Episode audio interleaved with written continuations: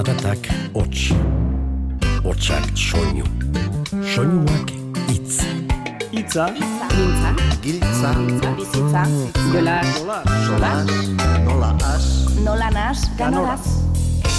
Eta hitza jolas bihurtu zenean, komunikazioa atxekin iturri, dibertsio izaten hasi zen. Eta bersu bilakatu zen. Itza jolas.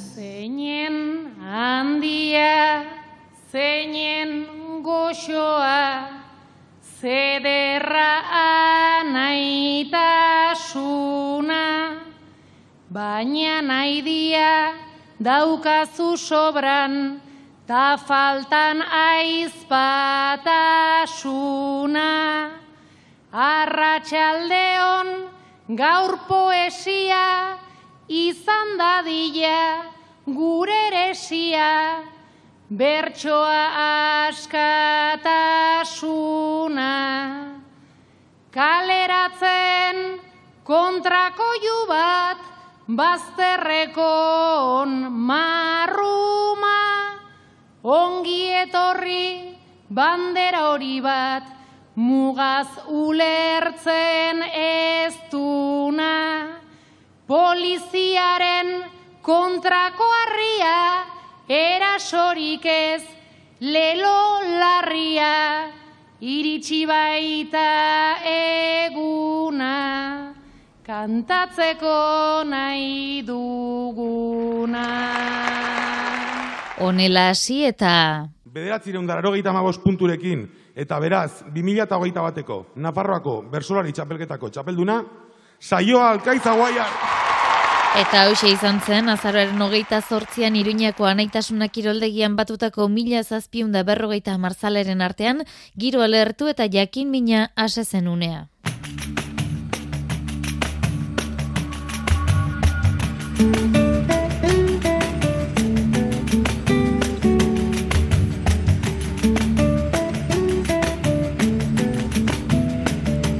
Saioa alkaizak jantzi zuen txapela bai, estitxu arozenaren eskutik, bi emakumeen arteko argazkia, baina atzetik mami asko duena. Nafarroako bertsolari txapelketak honen bestez egin du 2008 bateko bere ibilbidea urriaren bian hasi eta zortzi geldialditan iritsi da finalera, oholtza gainean zortzi bertsolari eta txapela bakarra saio horretako aleak hartuta gatoz gaur. Baina bizkaiko txapelketa ere, azken txampan murgiltzen ari denez, galdaka hon azaroaren hogeita zazpian ospatutako bigarren final aurrekoko printza gutxi batzuk bada ere ekarri nahi izan ditugu. Nola ez, gure bederatziko aztu gabe. Ba, atarikoetan luzatu gabe, ongi etorri eta hasgaita zen bertsolariak entzuten.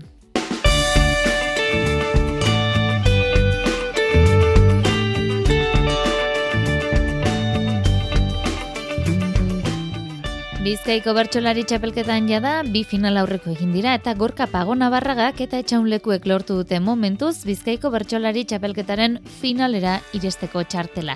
Azaroaren hogeita zazpian jokatu zen galdakoko bigarren hori, bertan izan ziren Aitor Bizkarra, Aitor Etxebarria Zarraga, Josune Aramendi, Oiana Bartra etxaunleku eta Xabat Gailete Beitia.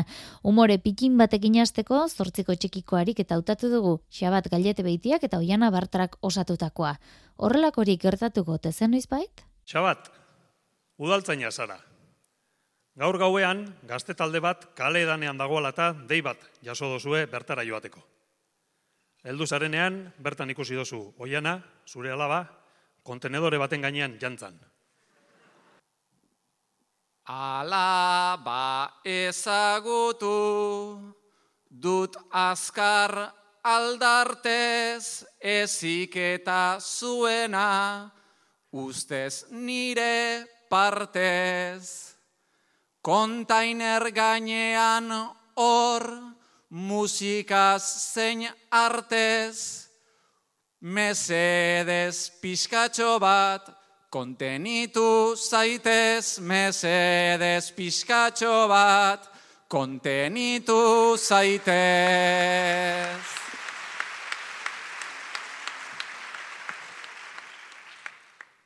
Munipa izatea, zure ogibide, baina nire aita zara zara, aitan nire.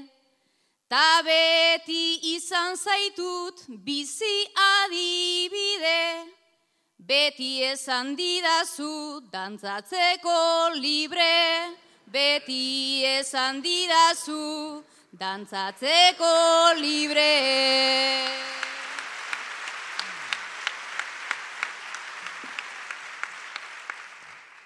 Bale baina hain libre egitea ospa, zigarro bat ahoan duzu osta osta, ez dadila erori egiozu oska, erretzen baldin bada ertzainak datozta, erretzen baldin bada ertzainak datozta.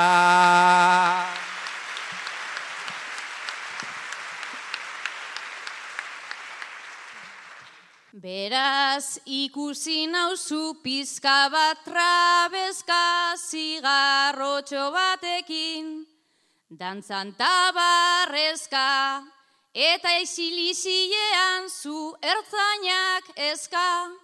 Orduan hasiko da benetako festa, orduan hasiko da benetako festa.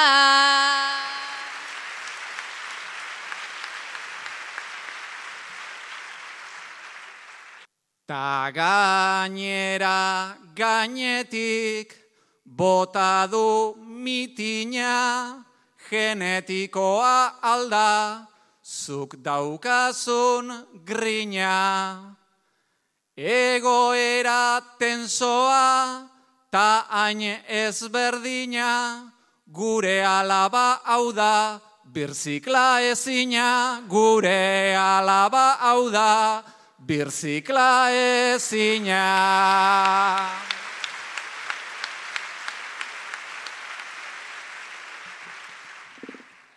Birziklatu ezina, ta dantzan barrean, zure uste zigarro bat, gaur ezin errean. Botila bat botako dizut azerrean, guaiana egin behar dut lagunen aurrean, guaiana egin behar dut lagunen aurrean. Epaileen arabera puntu gehien etxaun lekuek batu zituen eta bere bakarkakoa entzungo dugu orain. Zenbat geratzen dan galdetu deutzu. Ez tozu jakin zer erantzun. Bosturteko alaba, alaia zabala, baina hileak dira gaixo dagoala.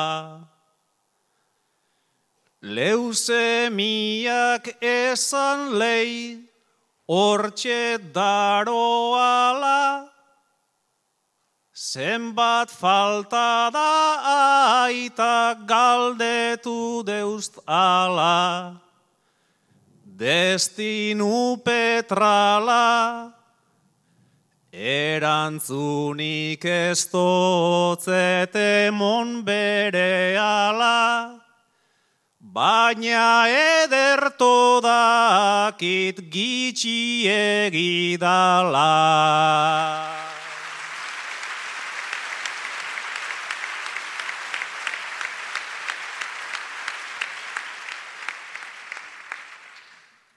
Izan leikez zei hile, izan leiz zei egun, lastan bat emon deutzet, azalean leun. Zestakit seguru zer egin dezakegun, Urbil egon leiteke dagoan aurrun, alabatxa peldun, izan gaitezen biok maitaleta lagun, zenbat faltadan baino zer egingo dugu.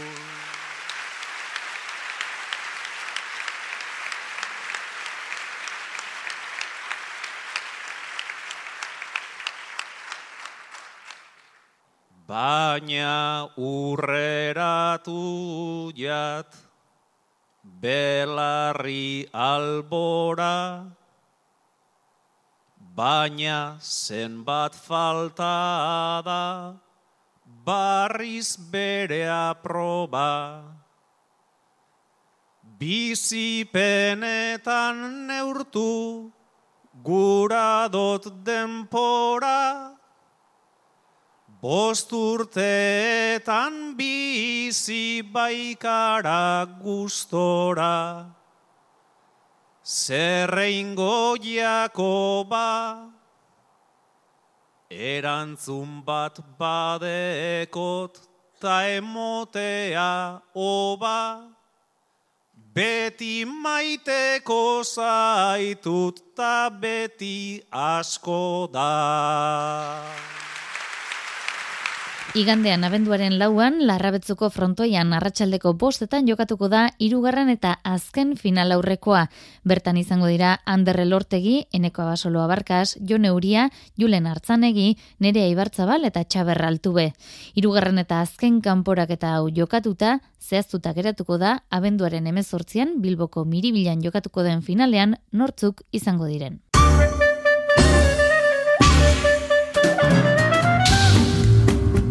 Azpeitian da gure bederatzikoa gogora dezagun arkaitze lortzak zein puntu luzatu zion bainatiliza sori eta honek zer erantzun dion.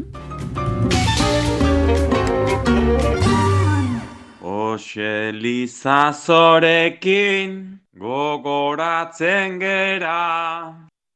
Haundia izan baizen bere galera.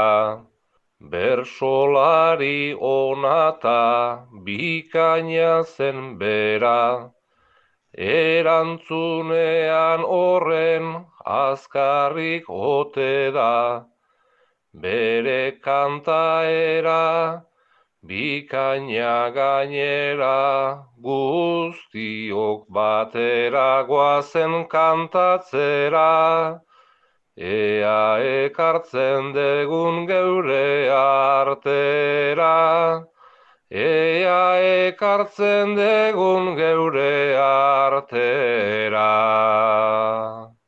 Ta nere puntue ba, azpeitiko olatx zarraina gantzako da, mendizale eta pertsozola morrau eda bea, beti umori jartzeko prest dao, eta bere umore hori kontagiatzeulako, ba, a ber, aspaldian bertsotan ez dinagu egin.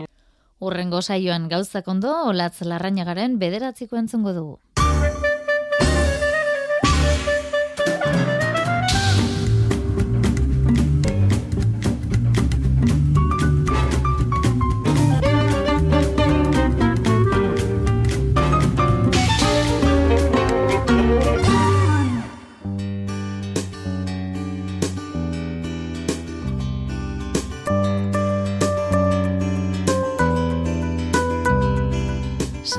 Alkaiza iruindarra da Nafarroko bertsolari txapeldun berria. Emozioz betetako finala izan zen itasunan jokatutakoa. Eneko laskozekin jokatu zuen buruz burukoa, baina egiari zor zortzikotea osatzen zuten denek utzi zituzten alebikainak. Finalean lehenengo sartu, bere bertxokera erakutsi eta bertsoz bertso, patxada egindako bideak sorpresan harrapatu zuen txapelduna. Lorpenetik ordu gutxi dara, biharamunean izan genuen Euskadirratiko faktoria saioan eta itziar lombreas lankideak bildu ditu alkaizak gurean esandakoak. Lortutakoa sinistu ezinik da oraindik. Pentsatzu liserik eta egin beharko dudala, oraindik ere, ba, oitu eta eta sinistu, baina bai harinez, epizkanaka mm. pentsatzut. Estitxu arozenak mila bederatzerun da laro bostean lehenbiziko txapela irabazi zuen emakume bersolariak jantzi zion txapela alkaizari. Arozenak berak, mila bederatzireun da laro mezortzian, txapela bigarren goz irabazi zuenetik, ez zuen emakume batek jantzi.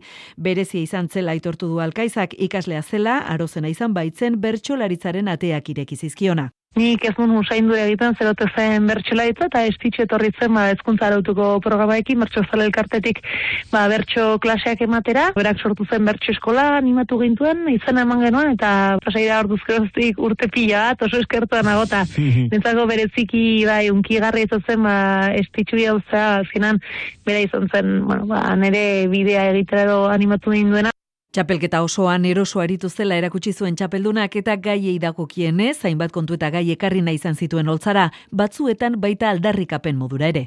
Uste dut azkenean mikrofono bat emate izutenean, ba, sietu hartzela begirada zorrozten, eta pentsatzen zer dagoen gaien atzean edo, eta, bueno, egin nunera legintxoa hortan, ba, izan du ondoria, eta eman du ere emaitza, eta, bueno, horren baitan, da, sartzean, oski hoietz aldarrikapena. Uste dut aldarrikapena, direla, geruzaz geruza lan egitearen parte edo.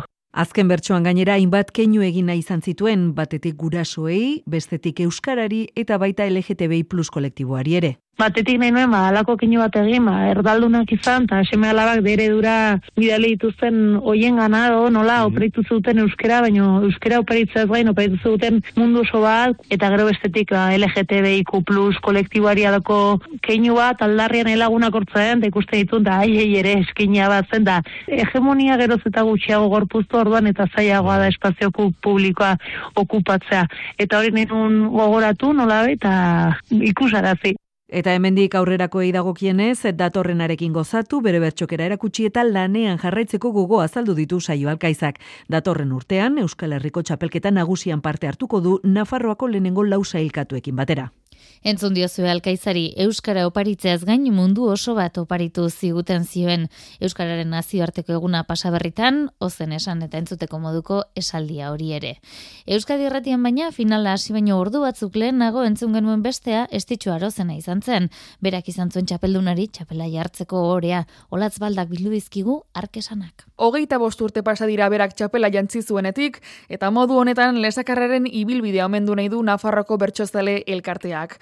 Amazazpi ediziotan hartu zuen parte eta Nafarroko lehen emakumea izan zen txapela askuratzen. Arozenak dio garai horietan ez zela egindako azo hartzen eta denborarekin eman diola garrantzia. Momentuan e, une polita izan zen, txapela irabaztea beti da une polita. Mio bai, igual bertze garai batzuk zirela, ez? Egia da denborarekin eta orain, ez? Balen gurtea senyora sariketako txapela jantzearena, edo gaur nafarrako txapela jantzearena, bada, bai da rekonozimentu bat, ez? Oltza gainean sortzi bertsolari izango dira gaur, besteak beste egungo txapelduna Julio Soto, eta lendabizikoz parte hartuko duten saio Alkaiza eta Oier Sanjurjo. Nori jarriko hotelioken galdetuta, ez du erantzun zehatzik eman, hori epaien ardura dela, eta bera oso pozik egongo dela erabak erabakitzen dutenarekin guztiekin baitu harreman ona. Egia da Silvirarekin eh ba lehenbizko 32 ba elkarrekin kantatu dugu txapelketan. Bino, bueno, lasko zere laster ezagutu nun, Julio aurra zelarik hasi zenerekin, saioa eskaban ezagutu nun posgarren mailan.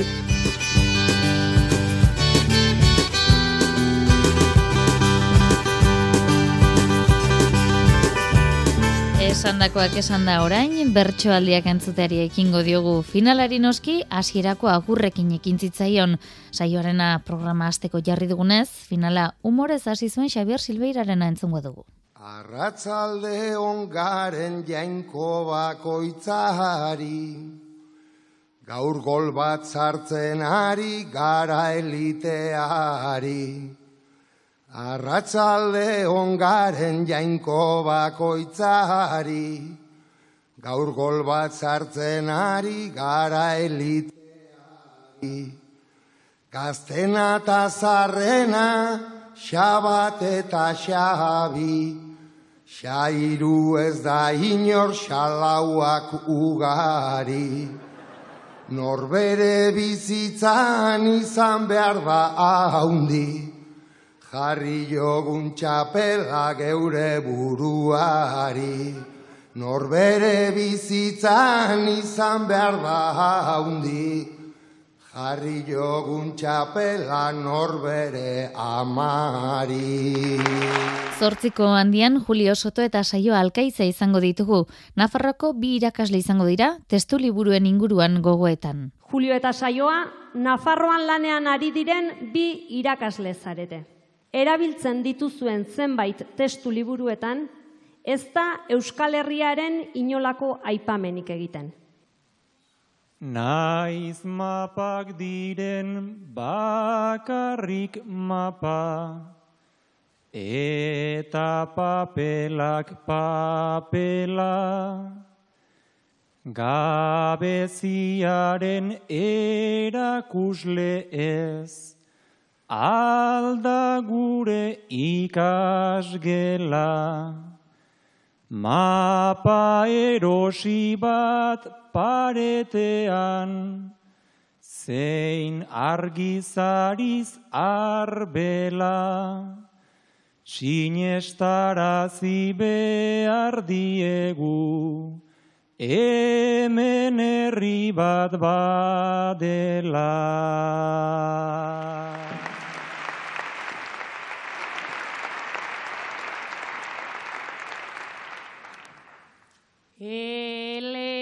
LH-ko seigarren mailan neska eta mutikoa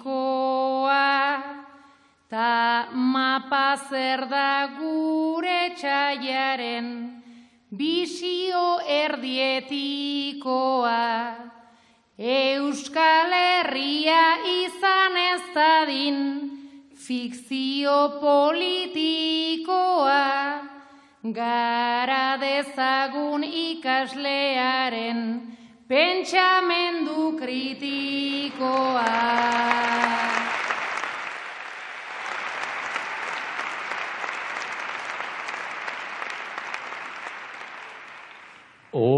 Horretarako derrigorra da, guk beraiei galdetzea, baina horri hau kentzen duenak, sutan jartzen du eltzea. Euren naia da mapa gure bat, betiko desjabetzea, ordea haien azken naia da, gu euskaraz gabetzea.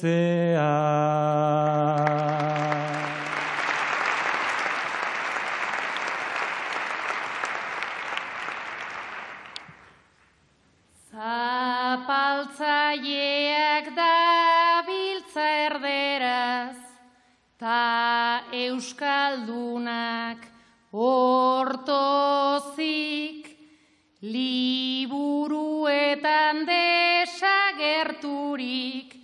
ezin ibiliaz pozik, mapa marraztu imaginatu, Utopia egin kasik, kontua ez baita bere zer zera mesten dugun baizik.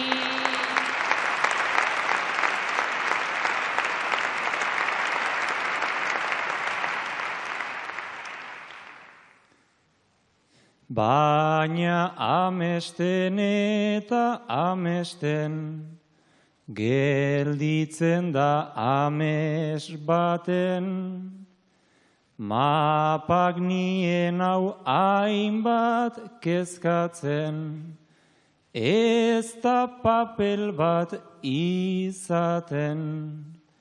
Saia gaitezen gu ikaslei, eskaintzen eta ematen, liburuetan falta den hori, min gainera eramate.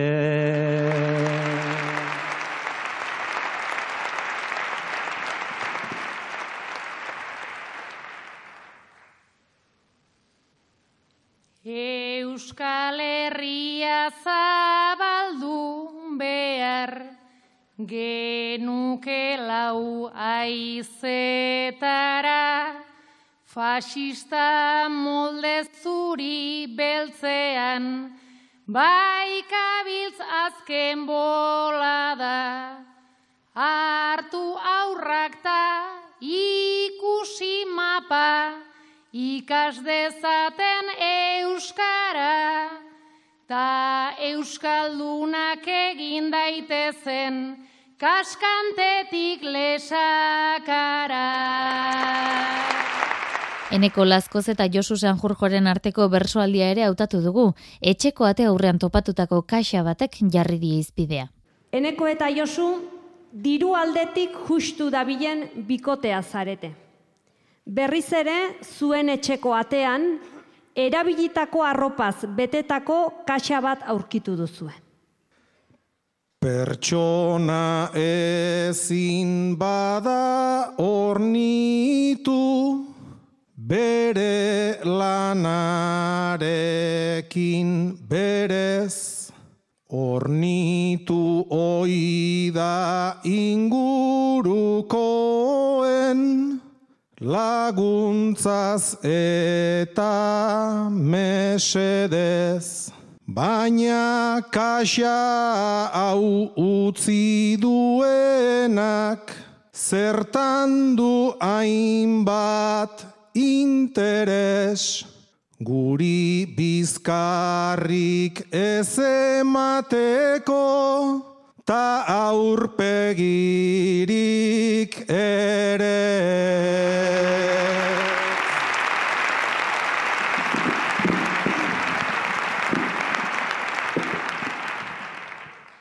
Neronen urte sabatikoa eta zure lana tarteko gaur egunean diru kontutan ezkabiltz zorioneko.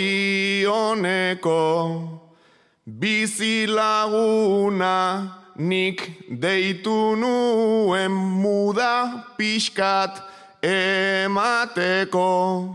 Bada garaia lurra zapalduz arrokeriak usteko.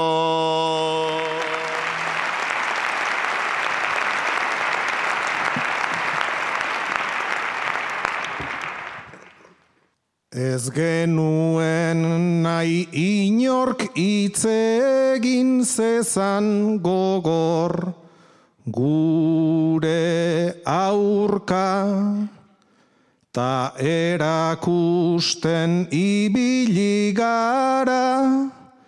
Existitzen etzen mauka baina uzokoak ezin alzuen joatea ta esan aupa Nahiago nuke eskerrik asko esaterik bageneuka.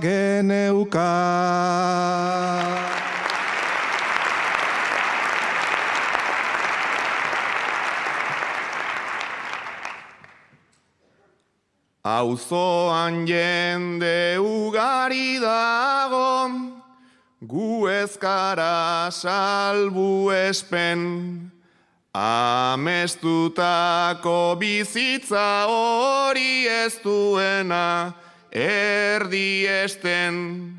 Begiazazu egun jendea noletan garen bere izten.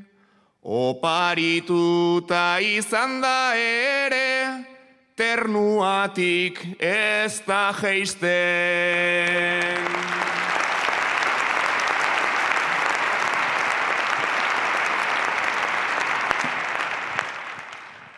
Itxura honez ibiltzea nahi baitugu denok kaletan.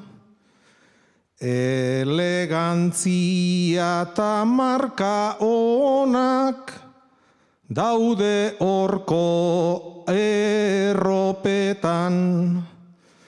Atea jo diot ta esan behar diot orain bertan aldugunean aldugun eran etorriko zaizu buelta.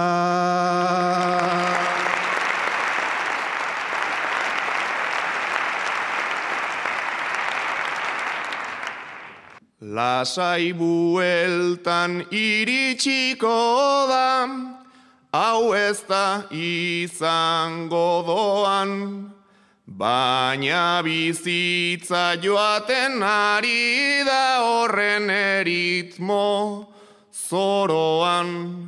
Nik argi daukat jarraitu nahi duteneko zure ondoan.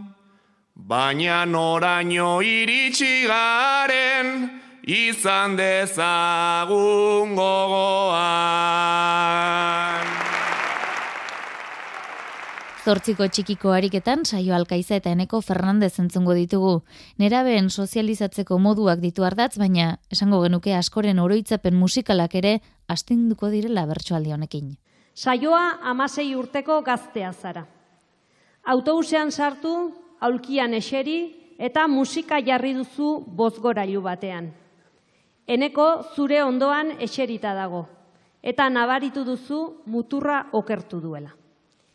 Bafle guapo bat daukat nere aitak emana altu ipini dizut propio zetan gana ta muturra okertu duzu nere gana, bilatu nahi alduzu zukeretan gana, bilatu nahi alduzu zukeretan gana.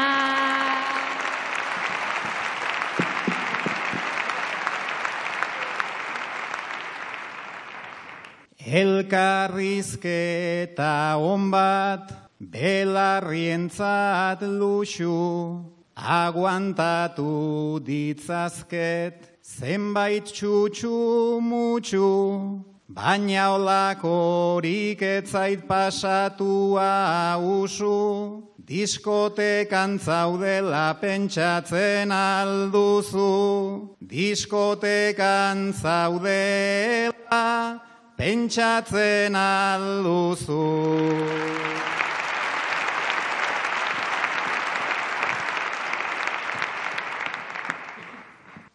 Eta orain txil mafia bila besan zehar. Born inrotxa peata jose letra mehar diskoteka ez busa tazuk egin negar.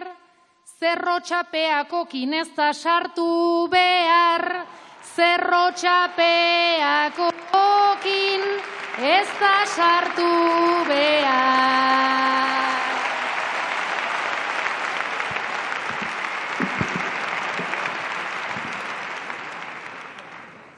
Bere arrokeria, bere punki fase, taniri belarrira, min eta oinaze, Guaimea txuka dator, ez zentzu ez klase, bote garaiak ez altzaitu ase, bote joien garaiak ez altzaitu ase.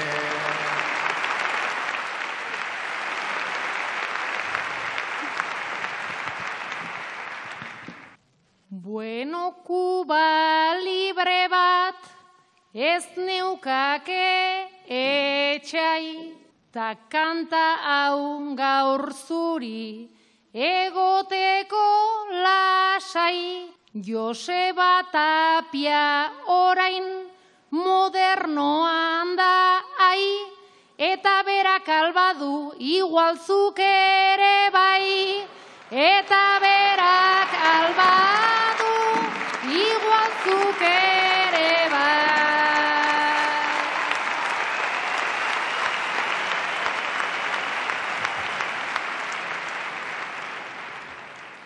Nik musika sekula ez dut izan traba, lehen genitun ertzainak, eta baldin baba, eta orain nagusi txilmafia ara, nola aldatu diren gauza kamarada, nola aldatu diren gauza kamarada.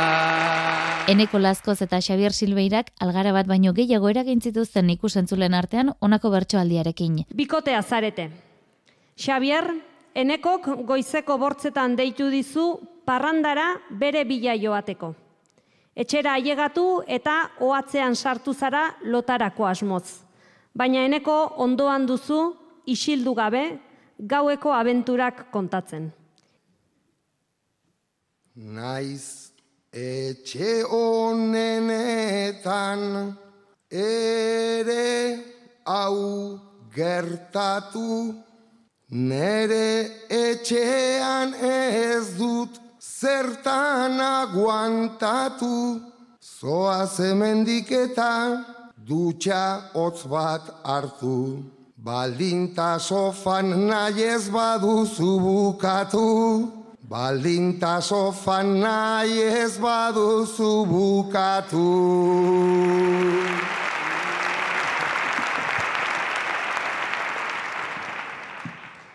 Parrandan egiten da amaika pekatu, eta zuri kontatu orduko nekatu. Piskat entzun ezazu mesedez barkatu, kontatu arte ezin naiz eta lokartu, kontatu arte ezin naiz eta lokartu.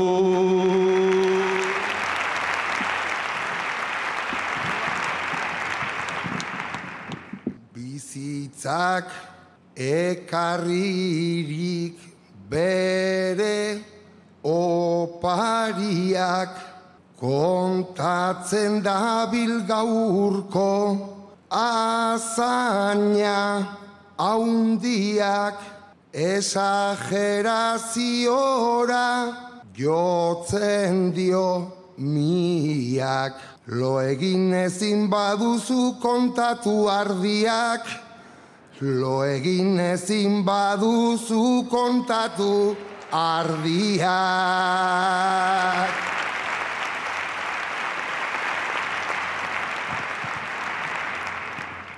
Kontatu nahi nizuken ere bizioa, eta gaur izan dudan interakzioa. Ez duzu maiten ere konversazioa, okerrago ez alda kalefakzioa, okerrago ez alda kalefakzioa.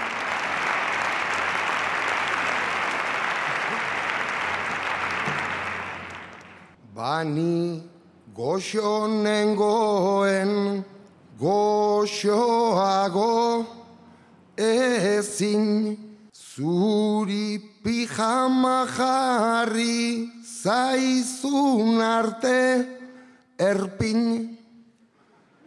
Nik larrutan egin dut gaur beste birekin. Esan dizut ta orain nahiaina hitz egin Esan dizut ta orain nahiaina itzegin.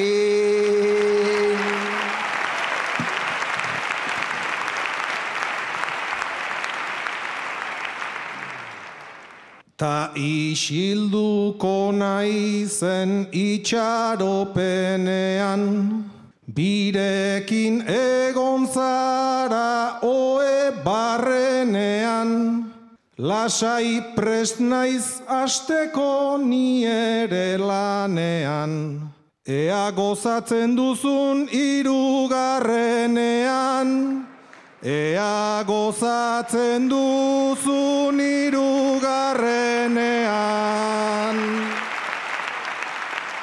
Amarreko txikiko ariketatik, saio eta joanesek osatutako ekarri dugu. Nola kudeatzen ote da seme alabek etxetik joatean sortzen den utxunea? Gurasoak zarete. Zuen seme alabak unibertsitatean daude eta asteburuk batzuetan etortzen dira soilik. Gaur saioa, etxera aiegatu zarenean, Joanes, seme alabak txikiak zireneko jostailu batekin jolasten aurkitu duzu. Iruna bertso, amarreko txikian, saioa, hasita. Batek ekonomia, besteak zientzia, ez da per ez bisita, ez da erentzia. Falta da seme alabek duten esentzia eta utxaren urrena haien presentzia jolasten bete nahiko alduzu ausentzia.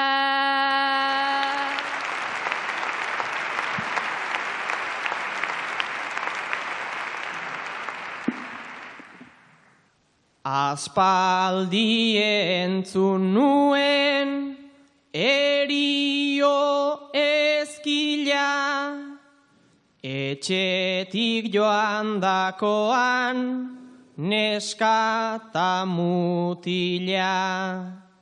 Naizta ematen dudan pixkat inutila. Hemen nabil saioa joku hau urbila, aspaldi galdu nuen semearen bila.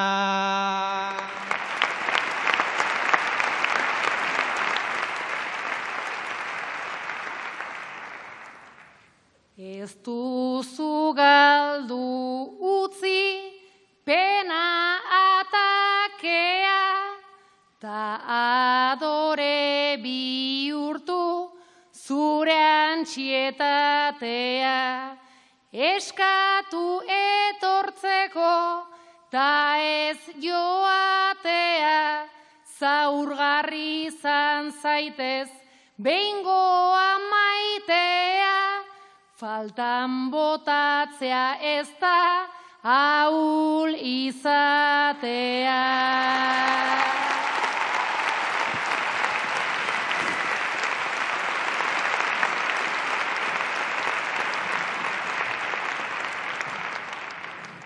Etxean falta dira oso aspalditik unibertsitatera joan zirenetik. Ta ahul bihurtu naiz orain naizenetik itzuliko badira nik nahi dut badakit, nahi dutelako eta ezpenaren gati.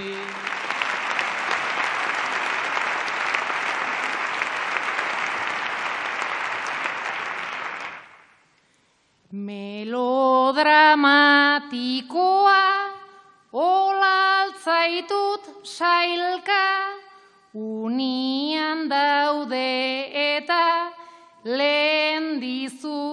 aipa, baina nola dierazi dituzula maita, nik deitu eginen diet nere lana baita, taitxoin orain jarriko dela zuen aita.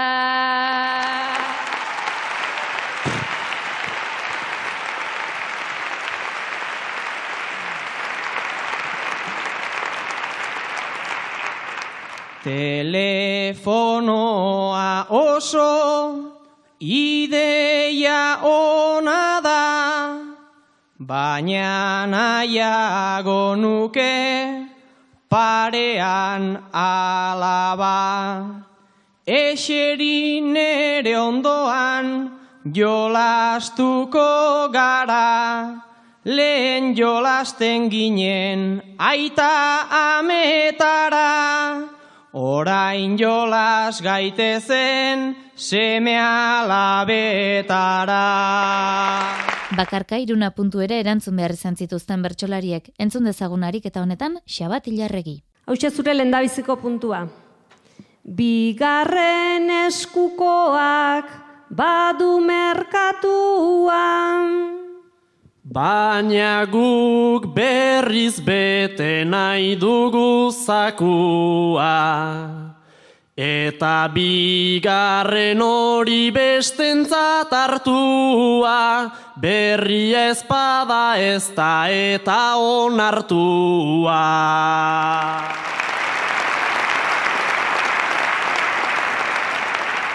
Bigarrena, paretik kentzen dugu, beharrez duguna.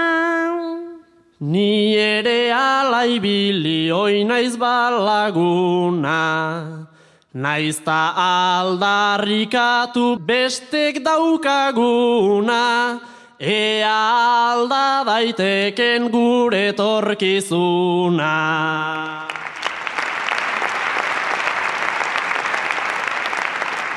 Eta hirugarrena, Batzuen sobra dena bertzen altxorra. Eta begirada bat bota zagun horra. Zer den egiten dugunekin zaren obra. Hemen ez errezpaita geratuko sobra. Bakarkako lanaren ondoren buruzburuko fasera saio alkaiza eta eneko lazko zelkatu ziren. Puntuka zortzi bertso osatu arte, sei puntuko motzean hiru bertso eta kartzelako ariketa ere egin zituzten. Saio alkaizak abortuaren hauzia plazaratu zuen. Saio hause duzu, hiru bertso nahi duzun doinu eta neurrian kantatzeko gaia. Pilula hartu duzu aurrera jarraitu ahal izateko. Ilekoak eman zidan tripan barnean alarma. Ez baitzen odol bildurik minez baitzen nere arma. Etor dadila nahi nuen naiz berez ez daukan xarma, ama izatea ez baitzen, gazte garaiko afana, baina ai mutil laguna, xirria eta lastana, Prediktorrak baietz dio, nik pilula nere barna, erabakirik ezean, ezpaitut izan nahi ama. Erabakirik ezean, ezbaitut izan nahi ama.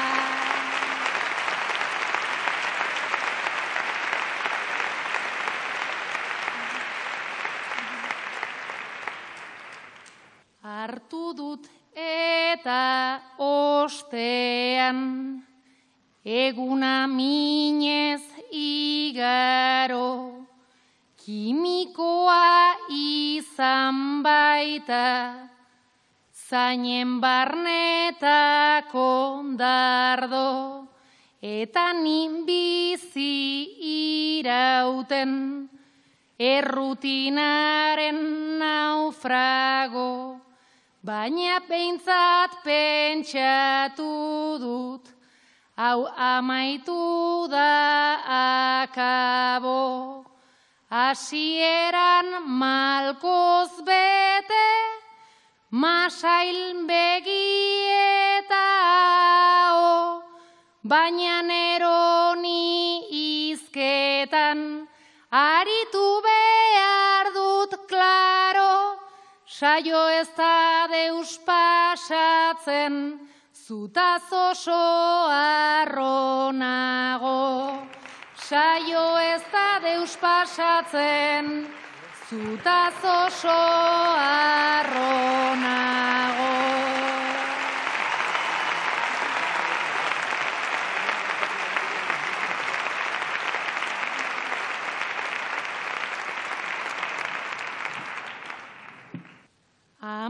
Amazazpi urte dauzkat, berez naiz neskan gaztea, eta aur batek lekarke, nere baitan desgastea, ikasketak utzi behar, eta hori desastrea.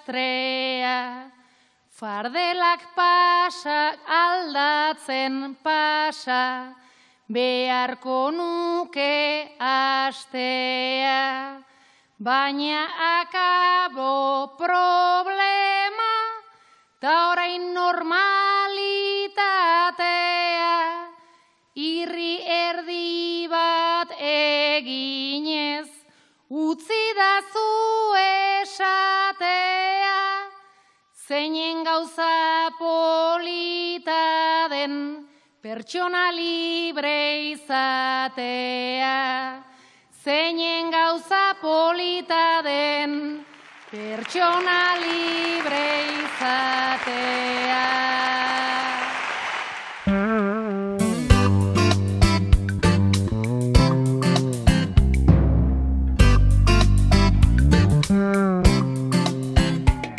Amaitzeko une iritsi zaigu ba, Julen San Martin teknikaria eta bi okaritu gara gaurkoa josten, beraz, jaso gure agurrik beroena.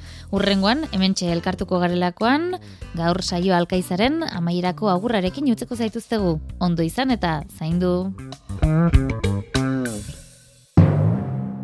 Besarkada bat langile auzoetako aldera Erdaldunen seme alabok hor ikasi dugu euskera eta mundu bat da jaso duguna horrekin batera. Euskerak behar du ofiziala lesakatik kaskantera. Eta orain musu handi bat Iraultza den gorputzera, ez bitarra kuirra transa, marika eta boiera. Ez bitarra kuirra transa, marika eta boiera, mundua ederragoa, da urbilduz bazterrera.